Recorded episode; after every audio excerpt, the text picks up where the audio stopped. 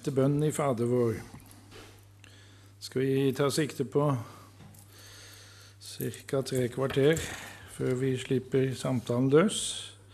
Hvis ikke dere har noen spørsmål underveis. Og ettergi oss det vi skylder, som også vi ettergir dem som skylder oss noe. Det er altså her tale om eh, en gjeld som eh, vi har pådratt oss. Eh, og konkret handler det om syndeskylden overfor Gud, som altså beskrives som en gjeld vi ikke kan betale.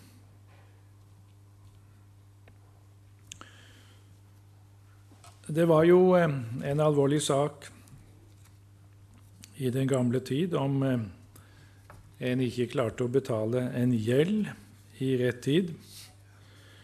Det kunne koste skyldneren dyrt. Vi eh, leser jo noe om dette i lignelsen i Matteus 18, om han som skyldte de 10 000 talenter.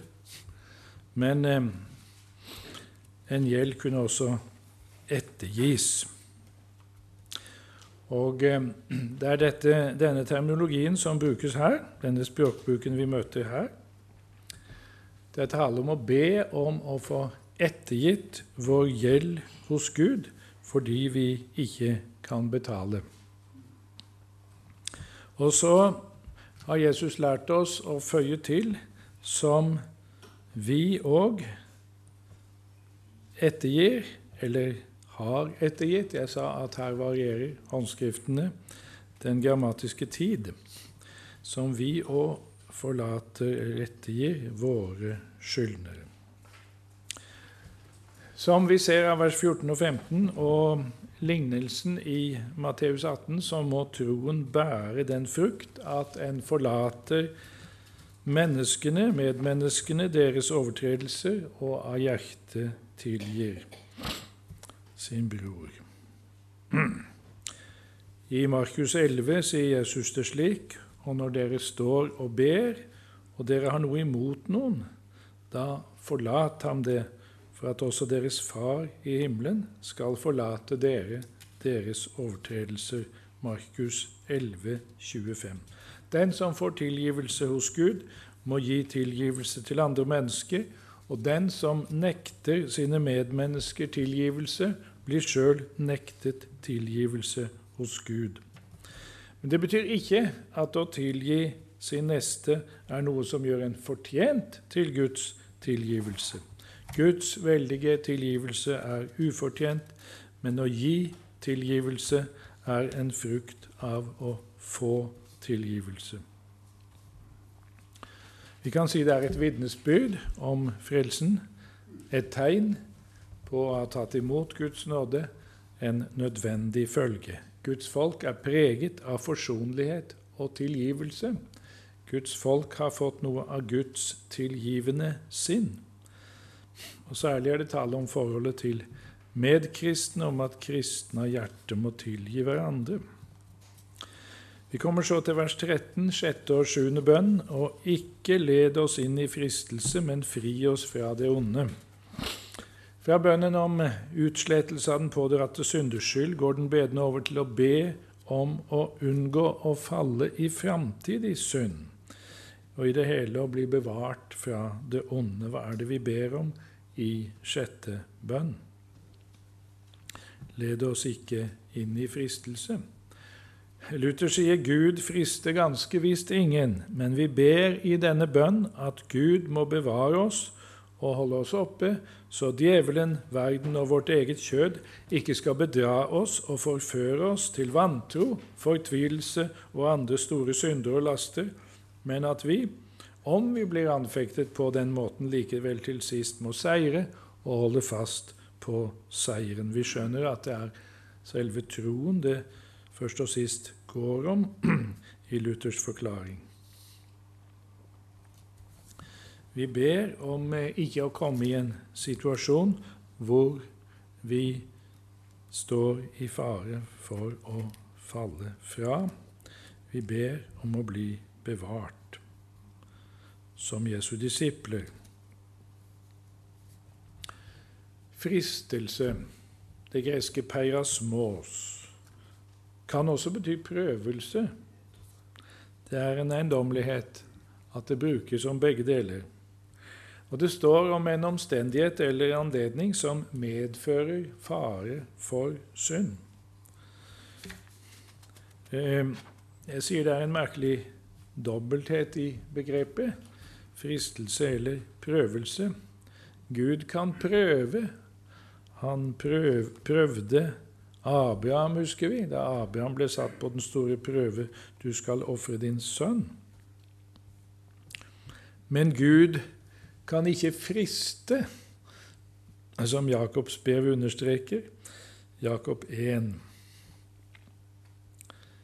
Djevelen frister. Jesus ble jo fristet av djevelen, og djevelen har en forbundsfelle i den onde lyst. Jakob sier at vi fristes av den onde lyst. Jakob 1, 14. Den andre forekomsten i Matteusevangeliet av eh, dette greske uttrykket Periasmos har vi i eh, Matteus 26, 41. I Getsemane Våg å be at riket må komme i perasmos. Og Det er kanskje like tvetydig der som i Fader vår sjette bønn, Matteus 26, 41. Våg å be at riket må komme i perasmos, i fristelse eller prøvelse. Eh,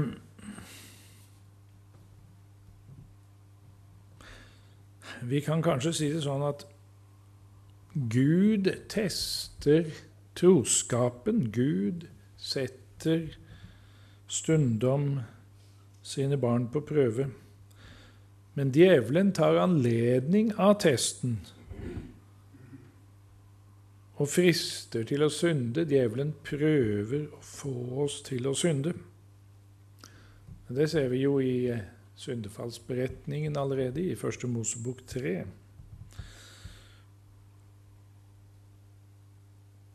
Adam og Eva ble satt på prøve i forhold til det ene treet, treet til kunnskap om godt og vondt. Djevelen fristet til å gå imot det Gud hadde sagt. Eh, hvis vi går fra substantivet til verbet det tilsvarende verbet peiratsen, som betyr å teste eller sette på prøve, så handler alle tolv forekomstene av dette verbet i de tre første evangelier om at Satan frister eller prøver Jesus, eller at menneskelige motstandere frister eller prøver Jesus. Og jeg tror det er slike fristelser som Jesus sto imot, som eh, det først og fremst er vi ber om å bli spart for. Led oss ikke inn i fristelse.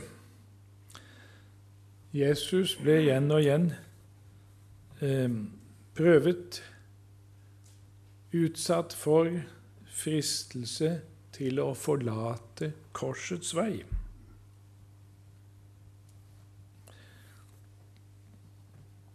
Kanskje vi må be om å slippe fordi vi ikke har krefter som han til å slå djevelens angrep tilbake. Om eh, fristelse eller perasmos, skal forstås mer i betydningen prøve, test, så kan det jo være at det særlig går på prøve i endetida. Flere nyere tolkere har tenkt på de siste tider. Men med bønnens åpne form igjen, altså. Jeg kommer tilbake til det at Fader vårs bønner stadig har denne åpne formen. Så er vel enhver fare for fall, enhver situasjon med fare for fall inkludert i det vi ber om og ikke bli ført inn i. Den som ber, led oss ikke inn i fristelse eller prøvelse, vet at faren for frafall ikke er over. Begynt er ikke endt, det merke i tide. Du som har Jesus kjent, bli ved å stride, som vi synger. Første Korinterbrev 10, 1-13 hjelper oss å forstå sjette bønn. De fleste i den generasjon Moses ledet ut av Egypt, falt. Og det skal vi la oss advare av. De hadde lyst til det onde. Noen av dem ble avgudsdyrkere, noen drev hor, noen fristet Kristus, noen knurret. Derfor står det i vers 12 og 13.: Den som tykker seg å stå, han ser til at han ikke faller. Ingen prøvelse har møtt dere som mennesker ikke kan bære. Og Gud er trofast, som ikke skal la dere prøves over evne, men gjøre både prøvelsen og dens utgang, så dere kan tåle den. Første kor 10, 12 og 13. Sjuende bønn, men fri oss fra det onde. Her er det ikke det typiske frelsesbegrepet, verbet sotsein, som brukes, men det er et annet ord for utfrielse. Og derfor så er det vel korrekt å Var det noe? Derfor er det vel korrekt å oversette med 'fri oss fra det onde' istedenfor 'frels oss fra det onde'. For um, det er et poeng å reservere frelsesbegrepet for um, de steder hvor, hvor Den nye testamentet faktisk bruker dette begrepet.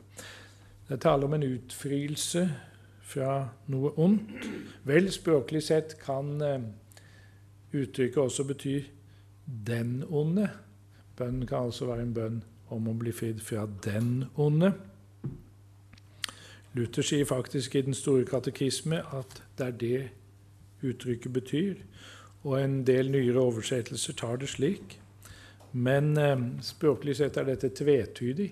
Det kan være intetkjønn, og det kan være hannkjønn. Er eh, et tolkningsspørsmål.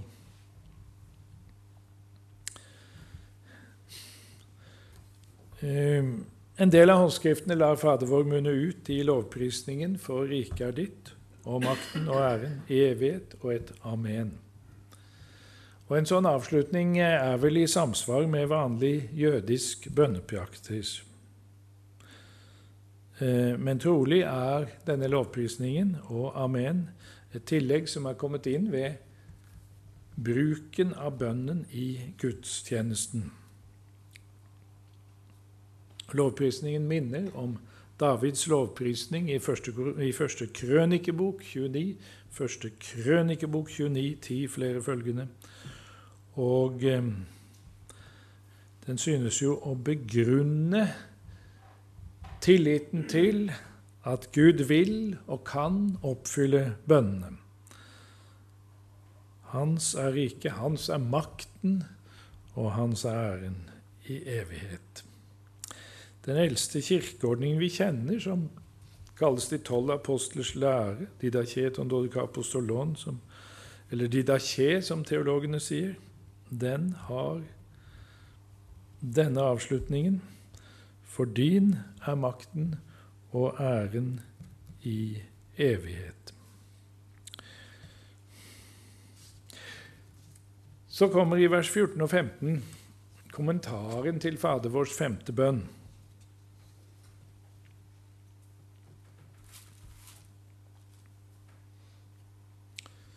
For dersom eh, dere forlater menneskene deres overtredelser, da skal deres himmelske Far også forlate dere.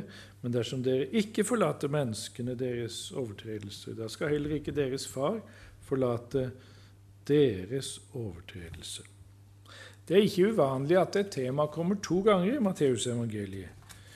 I slutten av kapittel 18 dreier det seg om eh, sammenhengen mellom Guds tilgivelse og vår tilgivelse, akkurat som her. Guds tilgivelse gjør oss tilgivende. Dersom ikke troen bærer den frukt at vi tilgir andre, kan ikke Gud tilgi oss. Jesus har i kapittel 18 talt om omsorgen for det forvillede fåret, og om kirketukten som en redningsaksjon for synderen, så stiller Peter spørsmål om det er grenser for tilgivelsen, den tilgivelsen som den enkelte disippel skylder en bror som synder mot ham. I 1. Mosebok 4 leser vi at Herren satte et vern om Kain. Mord på Kain skulle hevne sjufold, 1. Mosebok 4, 15. Men Lamek prøvde å verne seg sjøl med å erklære at han ville ta 77 gangers hevn for legemlige krenkelser. Og Her leser den greske oversettelsen Septuaginta 70 ganger, 7 ganger istedenfor 77 ganger. Ehm, første Mosebok 4. Og Jesus bruker dette symbolske 70 ganger 7 om tilgivelsen. Tilgivelsen må være grenseløs, gjerne sju ganger om dagen, Lukas 17, 4, dag etter dag. Altså ikke Lamek store hevn, men Guds store barmhjertighet er mønsteret for oss. En sann Jesus-disippel har et nytt sinn som lik Gud har barmhjertighet med syndere og gjerne forlater synd. Disippelen må huske hvilken tilgivelse han sjøl har fått. Så forteller jo Jesus om han som skyldte de 10 000 talenter. Dere ser i eh, vers 24, kapittel 18. En talent utgjorde 6000 denarer. Og ettersom en denar var en vanlig daglønn for arbeidsfolk, og 10 000 talenter utgjorde 60 millioner denarer, skjønner vi at det kan være tale om en tjener i bunnløs gjeld. Den høyeste tallenheten og den høyeste pengeenheten 10 000 talenter.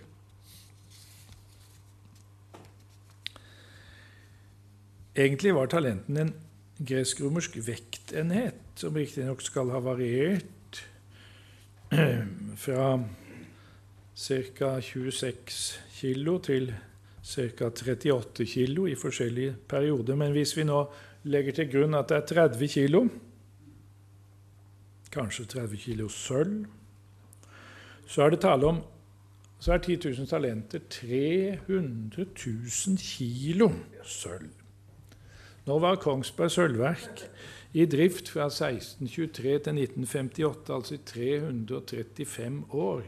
Og offisielt ble det produsert ca. 1 350 000 kilo sølv på 335 år eller i gjennomsnitt ca. 4000 kg per år. Vi snakker altså om 75 års produksjon ved Kongsberg kjempemessige bergverk, der tusener var i arbeid for at det skulle bli 10 000 talenter.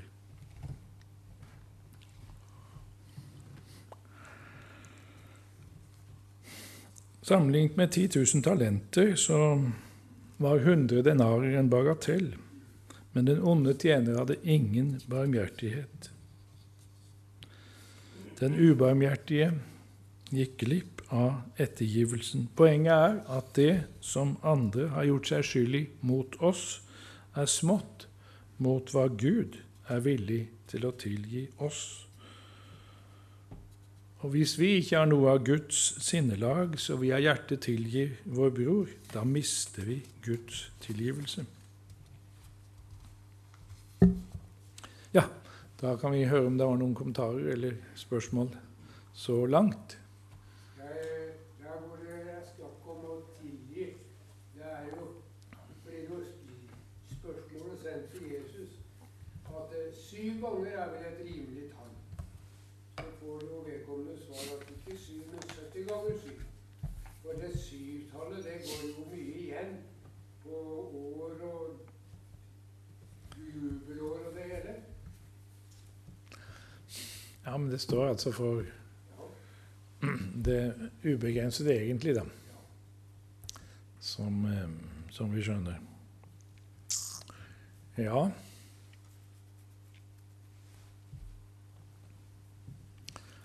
Um, nei, det er, jo, det er jo veldig um, Jeg er jo enig i det du um, sa i stad, Torgeir, at Skriften har jo en si, tankeform, en terminologi, et språk, som,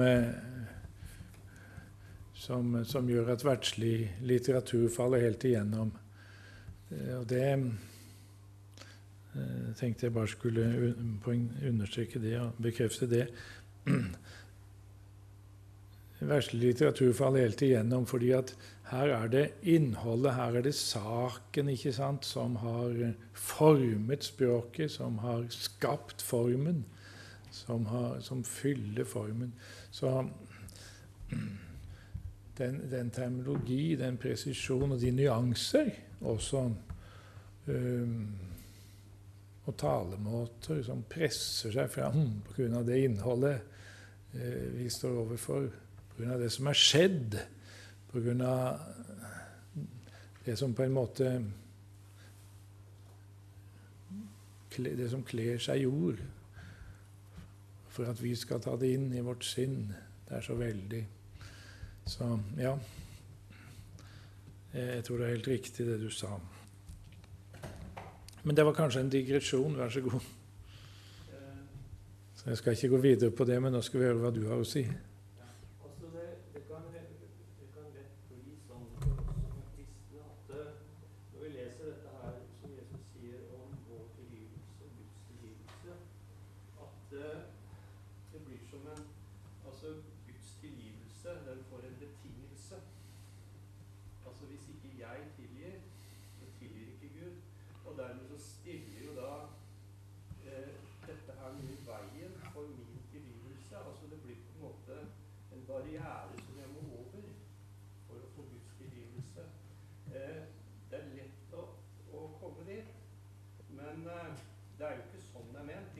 Nei, nei, for da ville det jo være snakk om å fortjene Guds tilgivelse. Jeg krampaktig tilgi. Men det handler om at Jesus skiller mellom død tro og levende tro, ikke sant? Altså den levende tro som er så overveldet av hva Gud har gitt meg, at den ikke kan annet enn å sette sitt preg på mitt forhold til min neste.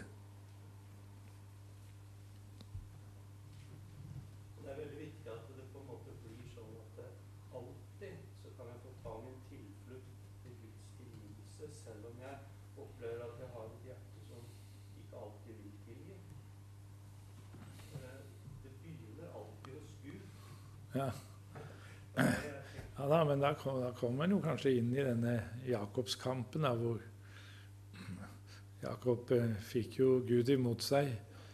Han kjempet med Gud og med mennesker og vant. Han vant i det han tapte. Han vant i det han måtte utlevere seg sjøl. Hva er ditt navn? Så måtte han si det var Jakob som hadde et forbudt liv bak seg. Og han gikk haltende ut av den kampen, men eh, han fikk navnet Israel. Du har kjempet med Gud og med mennesker og vunnet. Han vant i det Gud vant over han, ikke sant? I det han ble ydmyket. Han ble ydmyket.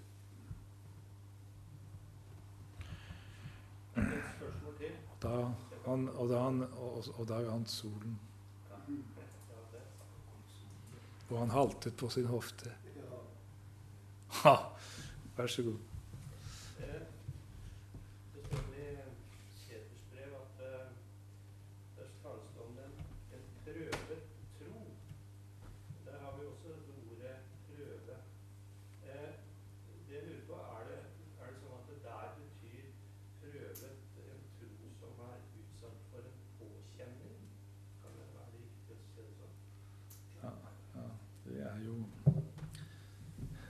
Det er, det er jo troen som har gått igjennom test, kan du si. Første Peter, Første Peter 1 er du vel nå i. Skal vi slå det opp? Det er klart det har med dette å gjøre som vi har snakka om, ja.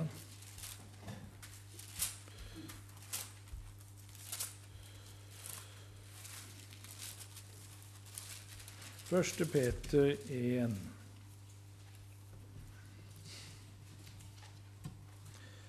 Deres prøvde tro som er mye kosteligere enn det forgjengelige gull. ja. Og Du ser sammenhengen der med vers 6. At det er eh, mange prøver de er satt på. Nå får vi slå opp i grunnteksten for sikkerhets skyld her, så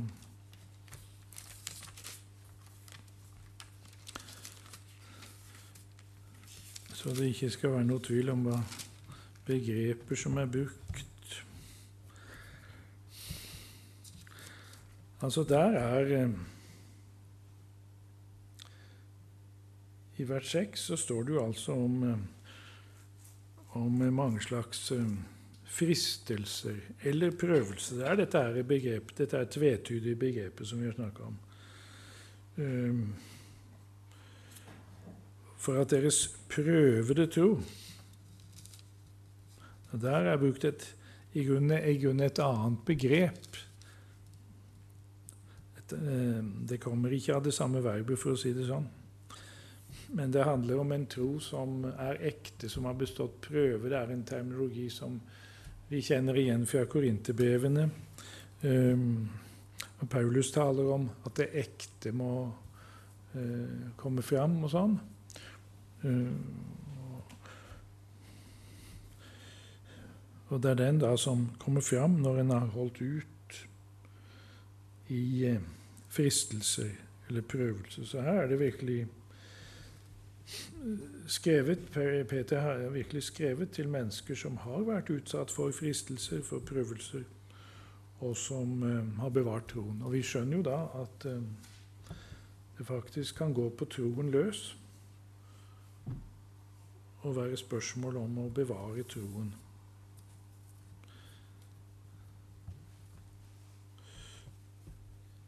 Ja. Men er det ikke også renselse der med i vers 7. For selv gull, som jo er lutret ved ild, det er på prøve og renselse med Det leser jeg litt for fort. Vers 7. Første Peter 1,7. Ja.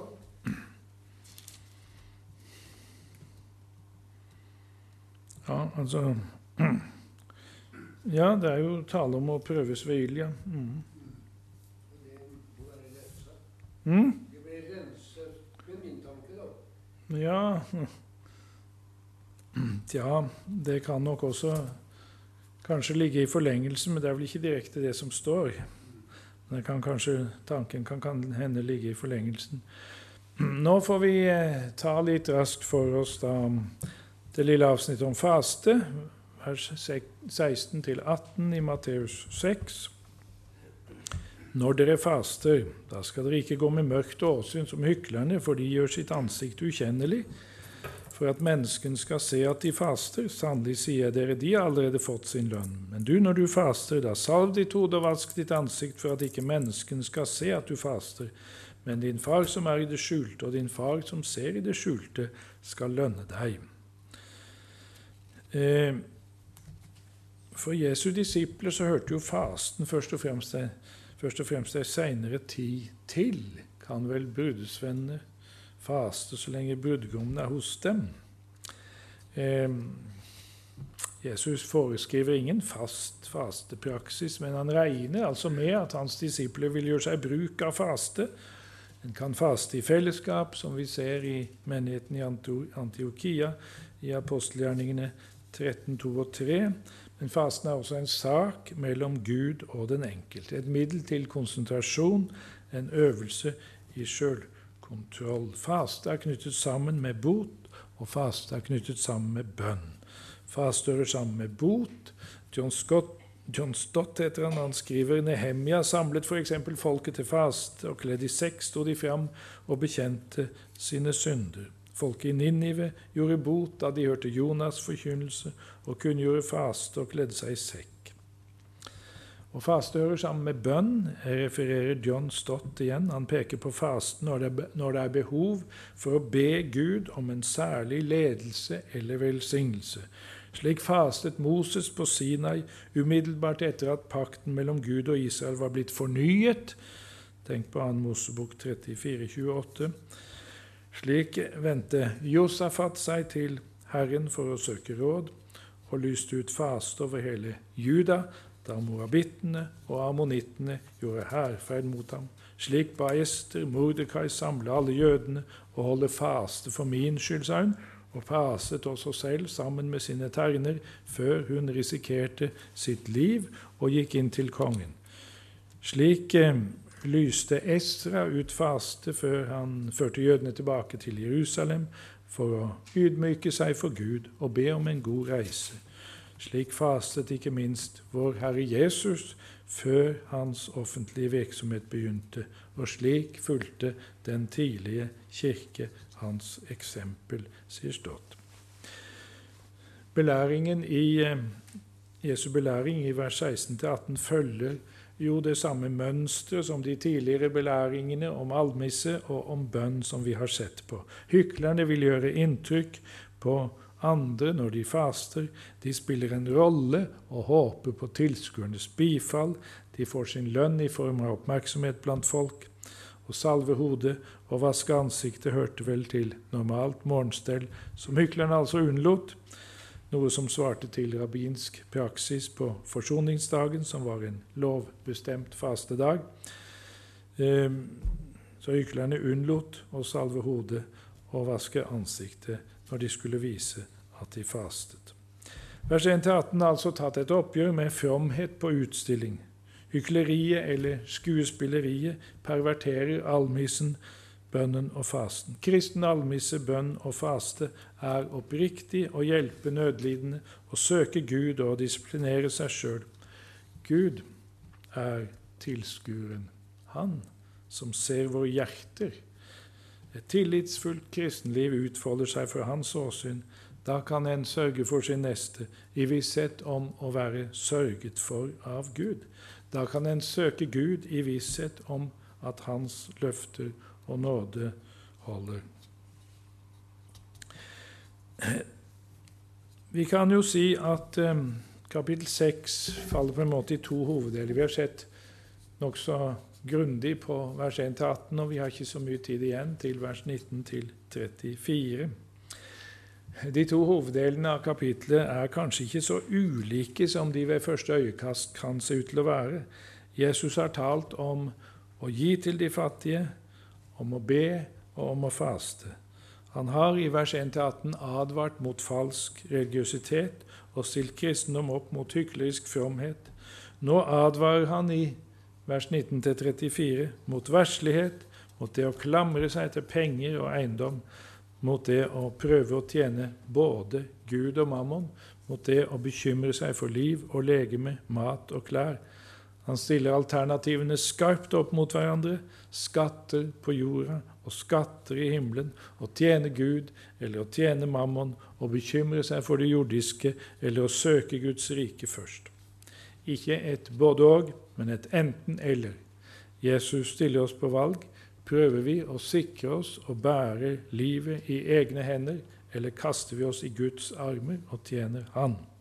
Samle dere ikke skatter på jorden, hvor møll og mark tærer, og hvor tyver bryter inn og stjeler. Men samle dere skatter i himmelen, hvor verken møll eller mark tærer, og hvor tyver ikke bryter inn og stjeler. For hvor din skatt er, der vil også ditt hjerte være. Jordiske skatter er timelige og forgjengelige. Himmelske er evige og uforgjengelige. Jesu disipler kan ikke splitte sitt hjerte på begge sorters skatter. Det prinsipielle kravet leser vi i Lukas 14, 33. Ingen kan være Jesu disippel uten å oppgi hele sin eiendom. Lukas 14, 33. At dette betyr at vi skal gi til de som trenger det, ser vi i Lukas 12, 33 og 34, som kombinerer det å kvitte seg med eiendom og å gi almisser med det å samle skatter i himmelen. Selg det dere eier, og gi til de fattige. Gjør dere punger som ikke eldes, en skatt som ikke forgår, i himmelen der hvor tyvehånd ikke når og møll ikke tærer. For hvor deres skatt er, der vil også deres hjerte være. Luther sier at når evangeliet blir forkynt og folk prøver å leve etter det, dukker to svære plager opp. Det ene er falske lærere som vil ødelegge læren. Og det andre er herr grådighet som vil ødelegge livet.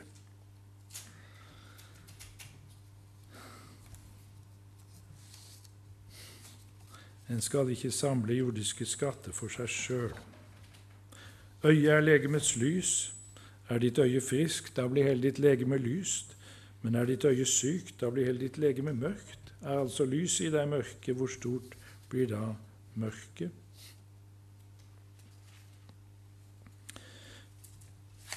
Med opplyste øyne i hjertet vil disiplene vite å styre unna både havesyke og bekymringer. Er derimot hjertet formørket av trelldom under det jordiske, lever mennesket i et mørke som er så mye større og farligere enn det fysiske mørket som en blind lever i.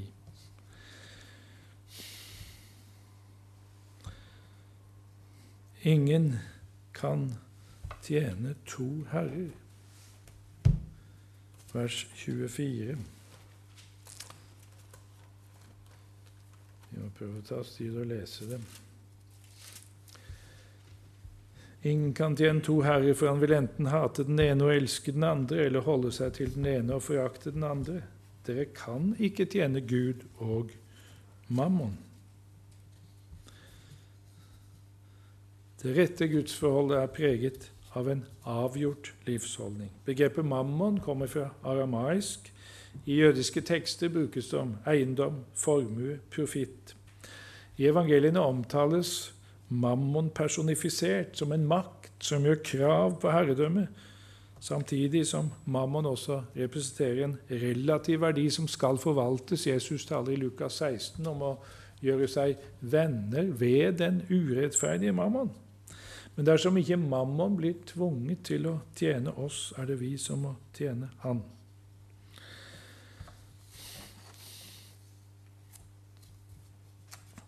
Legg merke til hvordan Jesus i fortsettelsen appellerer til tilhørernes egen dømmekraft. Derfor sier jeg dere, vær ikke bekymret for deres liv, hva dere skal ete og hva dere skal drikke, eller for deres legeme hva dere skal kle dere med. Er ikke livet mer enn maten og legemet mer enn klærne? Se på himmelens fugler. De sår ikke, de høster ikke, de samler ikke i lader og deres himmelske Far før dem likevel. Er ikke dere mye mer enn de? Og hvem av dere kan med all sin bekymring legge én alen til sin livslengde? Og hvorfor er dere bekymret for klærne? Akt på liljene på marken, hvorledes de vokser. De arbeider ikke, de spinner ikke, men jeg sier dere, enn ikke Salomo i all sin herlighet var kledd som en av dem. Men kler Gud slik Gresset på marken som står i dag og i morgen kastes i ovnen, skal han da ikke mye mer kle dere, dere lite troende.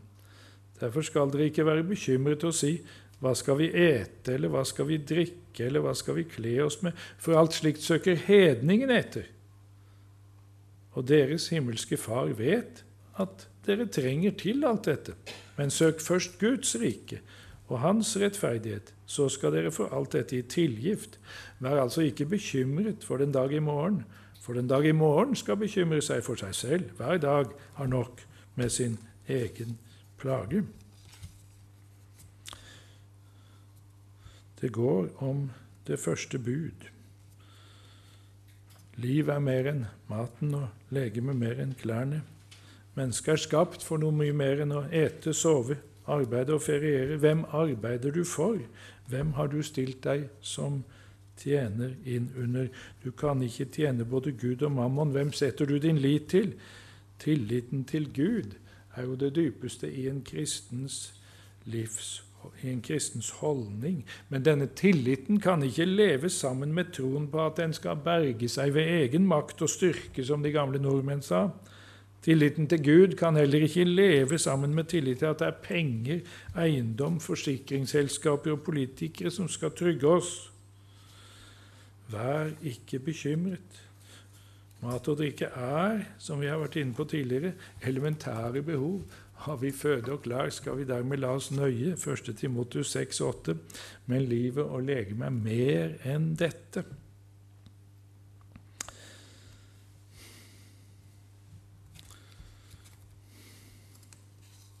Timelig bekymring er i strid med kunnskapen om Gud og troen på Hans omsorg. Timelig bekymring er hedensk. Igjen ser vi altså at Jesus skiller mellom kristen atferd og hedensk atferd. Jesus benekter ikke at hans disipler trenger mat og drikke og klær, men han viser til at Gud vet om deres behov. Søk først Guds rike og hans rettferdighet. Jesus vil at vi skal leve et liv uten annen frykt enn gudsfrykten. Et liv der vi prioriterer det enn nødvendige og ikke gir rom for nytteløs bekymring. Den kristne bekymringsfrihet betyr ikke at en ikke skal tenke på det som er vanskelig, og ikke prøve å gjøre noe med det, men det betyr at vi skal slippe å gå og være bekymret, som vi så lett kan bli, og som så mange er. Vi skal isteden leve i tillit og bønn med takk. Vær ikke bekymret for noe, sier Paulus, men la i alle ting deres begjæringer komme fram for Gud i påkallelse og bønn med takk. Filipperne 4. Eh, søk først Guds rike og hans rettferdighet. Den som prioriterer det ene nødvendige, som hungrer og tørster etter Guds frelse, skal også få alt det han trenger til livets opphold i tillegg. Jesus vil lære oss en enkel og nøysom livsholdning. Både bekymringer, nytelsessjuke og forfengelighet sies opp for utkastelse når en legger sitt liv i Guds hender.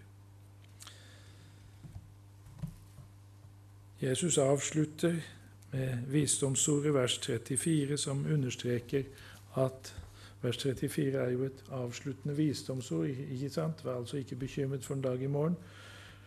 For en dag i morgen skal bekymre seg for seg selv. Hver dag har nok med sin egen plage.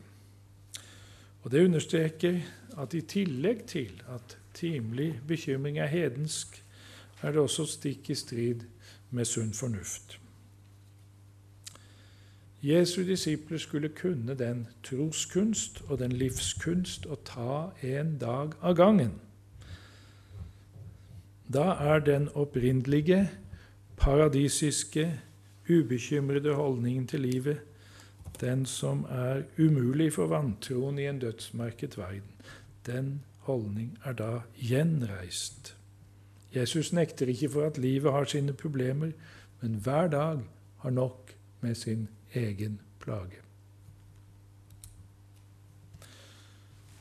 Vær så god.